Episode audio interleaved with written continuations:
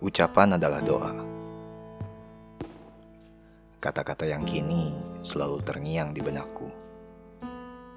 Aku adalah seorang wanita yang pada awalnya bisa dibilang beruntung. Menikah dengan seorang anak dari pemilik salah satu perusahaan terbesar di Jawa Barat.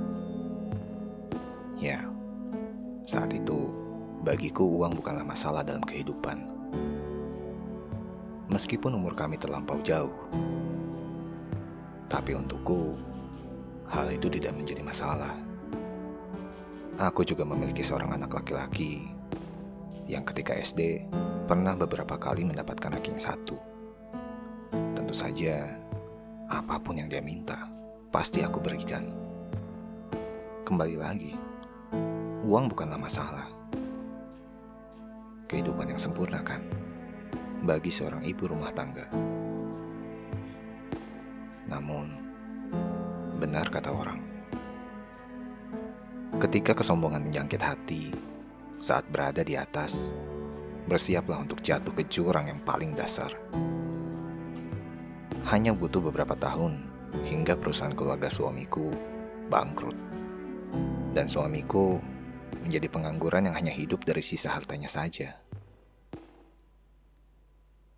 Kami pun akhirnya pindah ke Bandung dan suamiku mencoba memiliki usaha baru dengan membeli beberapa angkot untuk jadi juragan angkot. Dan usaha tersebut pun tidak bertahan lama karena terkena penipuan. Perlahan tapi pasti, kemiskinan mulai menggerogoti keluarga kami. Hatiku mulai tidak tenang dengan keadaan seperti ini.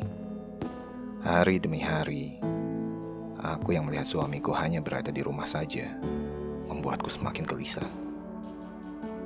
Dengan melihat rupanya saja, yang mulai seperti kakek-kakek karena perbedaan umur yang jauh, membuatku muak. Aku lambat laun mulai menjadi wanita yang temperamental.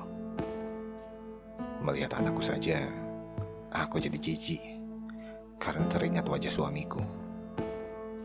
Terkadang aku melampiaskan kekesalanku dengan memukul-mukul kepala anakku saat dia bandel atau tidak menuruti perkataanku. Aku tahu aku salah. Tapi emosi kemarahan sudah mengambil alih dari setiap tindakan serta ucapanku. Tentu saja pertengkaran suami istri juga tidak terelakkan. Makian demi makian aku serukan padanya. Yang menurutku tidak berguna sebagai seorang suami. Terkadang aku pun memakinya di depan anakku. Suamiku sebenarnya tipikal yang pendiam, tidak pernah membalas apa pun yang aku ucapkan. Dan itu malah membuatku semakin tidak terkendali. Waktu berlalu begitu cepat. Kehidupan keluargaku semakin menjadi berantakan. Saat anakku yang sudah remaja masuk ke pergaulan yang salah. Minuman keras sudah menjadi pengganti air mineral yang setiap harinya ia konsumsi. Menghalalkan segala cara untuk dapat membeli minuman keras dan hal negatif lainnya pun ia lakukan. Uang simpanan di dompet atau meja rias juga terkadang hilang entah ke mana. Siapa lagi? Akan tetapi, anakku sudah tidak bisa aku larang. Bahkan dia berani membalas kata-kata kasarku saat memakinya. Kadangkala terbesit di benakku untuk menyumpahi anakku sendiri. Tapi aku mencoba untuk menahannya sekuat tenagaku. Terus menerus seperti itu hingga mengakibatkan tidak ada lagi harta yang tersisa. Dan membuat kami mengambil keputusan untuk menjual rumah lalu pindah ke rumah yang lebih kecil. Menyedihkan? Ya, aku yang dulu hanya menjadi ibu rumah tangga dan menunggu datangnya uang dari suamiku, kini harus bekerja dengan membuka warung kecil di rumah baruku. Hanya demi mendapatkan sepeser uang setiap harinya. Mimpi buruk belum berakhir sampai di situ. Dengan keadaan keluarga kami yang berubah 180 derajat, membuat suamiku stres kelakuannya mulai aneh. Lambat laun, akhirnya ia menjadi tidak waras karena dihujani tekanan yang begitu berat. Ia jadi sering keluyuran ke jalan sambil berbicara sendiri di setiap langkah kakinya. Aku yang sudah tidak peduli lagi dengan keadaannya, hanya membiarkannya seperti itu. Sampai suatu saat, ia meninggal dunia. Perasaanku campur aduk antara bersyukur, sedih, atau merasa kasihan. Setidaknya satu bebanku hilang. Itu yang selintas terpaut di pikiranku. Beberapa bulan kemudian, anak laki-laki semata wayangku memutuskan untuk menikah. Dia berani menikah walaupun hanya kerja serabutan. Aku berharap semoga dengan dia menikah, dia bisa berubah menjadi lebih baik lagi. Namun, kenyataan berkata lain. Meskipun setelah menikah, ternyata kelakuannya masih juga belum berubah. Bahkan, sampai dia memiliki anak, kelakuannya masih tetap seperti itu. Pernah suatu hari, ketika aku sedang beribadah. Anakku yang kehabisan uang memasuki kamarku dengan bau alkohol yang masih melekat di mulutnya. Ia kemudian menendang keras di bagian belakangku ketika aku sedang bersujud.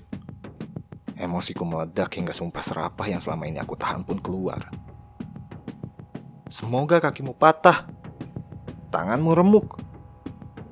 Kutukan yang seharusnya tidak keluar dari mulut ini menjadi pemicu berbagai hal buruk yang anakku alami. Dia dipukuli warga, jatuh dari motor berkali-kali, menabrak orang hingga diajar masa, masih banyak hal lainnya. Tapi tetap saja, hal itu tidak membuatnya cerah. Aku, aku lelah. Aku tidak ingin memperdulikannya lagi.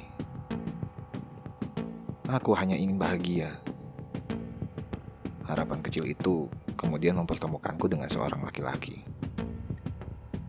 Kepenatanku akan kelakuan anakku perlahan mereda saat lelaki itu mempersuntingku. Kebahagiaan sedikit demi sedikit mulai datang kepadaku. Tapi mimpi buruk kembali hadir. Pertengkaran tidak sehat kembali terjadi dengan anakku. Kali ini melibatkan suami baruku berulang-ulang kali seperti itu. Hingga pada puncaknya, aku kembali mengucapkan sumpah serapah yang pernah aku ucapkan dulu. Sumpah ya, patah kakimu, remuk tanganmu, mati. Beberapa hari kemudian, anakku kecelakaan. Dia jatuh dari motor seperti doaku. Kakinya patah tangannya remuk. Kepalanya membentur tiang di pinggir jalan hingga membuat dia tidak sadarkan diri seharian. Ketika sadar, dia meringis kesakitan di kepalanya. Tapi aku tidak peduli. Yang aku lakukan terus-menerus memakinya, memukul kepalanya, dan kakinya. Dia tidak dirawat di rumah sakit karena kami tidak memiliki uang untuk itu. Hari-hari berlalu hingga dia bisa berjalan lagi dengan bantuan sebuah tongkat. Perban putih masih melilit di tangan serta kakinya. Dengan keadaan yang seperti itu, dia juga sempat untuk kembali bekerja serabutan. Entah mengapa, perubahan signifikan terjadi pada anakku. Dia menjadi lebih santun. Terlebih juga dia menyediakan teh hangat kepadaku untuk pertama kalinya dalam hidup. Ketika suami baruku akan meminumnya, dia berkata, "Jangan, jangan. Ini untuk mama. Ma, ayo diminum mah, mumpung masih hangat." Entah mengapa, kata-kata serta perbuatannya kini menyentuh hatiku. Cinta yang selama ini hilang kini tumbuh kembali untuk anakku itu. Mungkin Ini pertanda kehidupan kami akan menjadi lebih baik lagi. Tapi ternyata Tuhan berkata lain. Sehari setelah dia menyuguhkan teh hangat tersebut, dia terbaring lagi di kasurnya. Dia kembali meringis kesakitan di kepalanya. Pendarahan di kepala akibat benturan keras yang terjadi sebelumnya akhirnya merenggut nyawa anakku. Penyesalan yang teramat sangat serasa menghimpit dada ini ketika mendengar kata-kata yang ia ucapkan sebelum dia menghembuskan nafas terakhir. Ma, maafin aku ya. Semua yang terjadi sama aku pasti karena aku berdosa sama mama. Maafin aku ya, Ma. Aku sayang mama.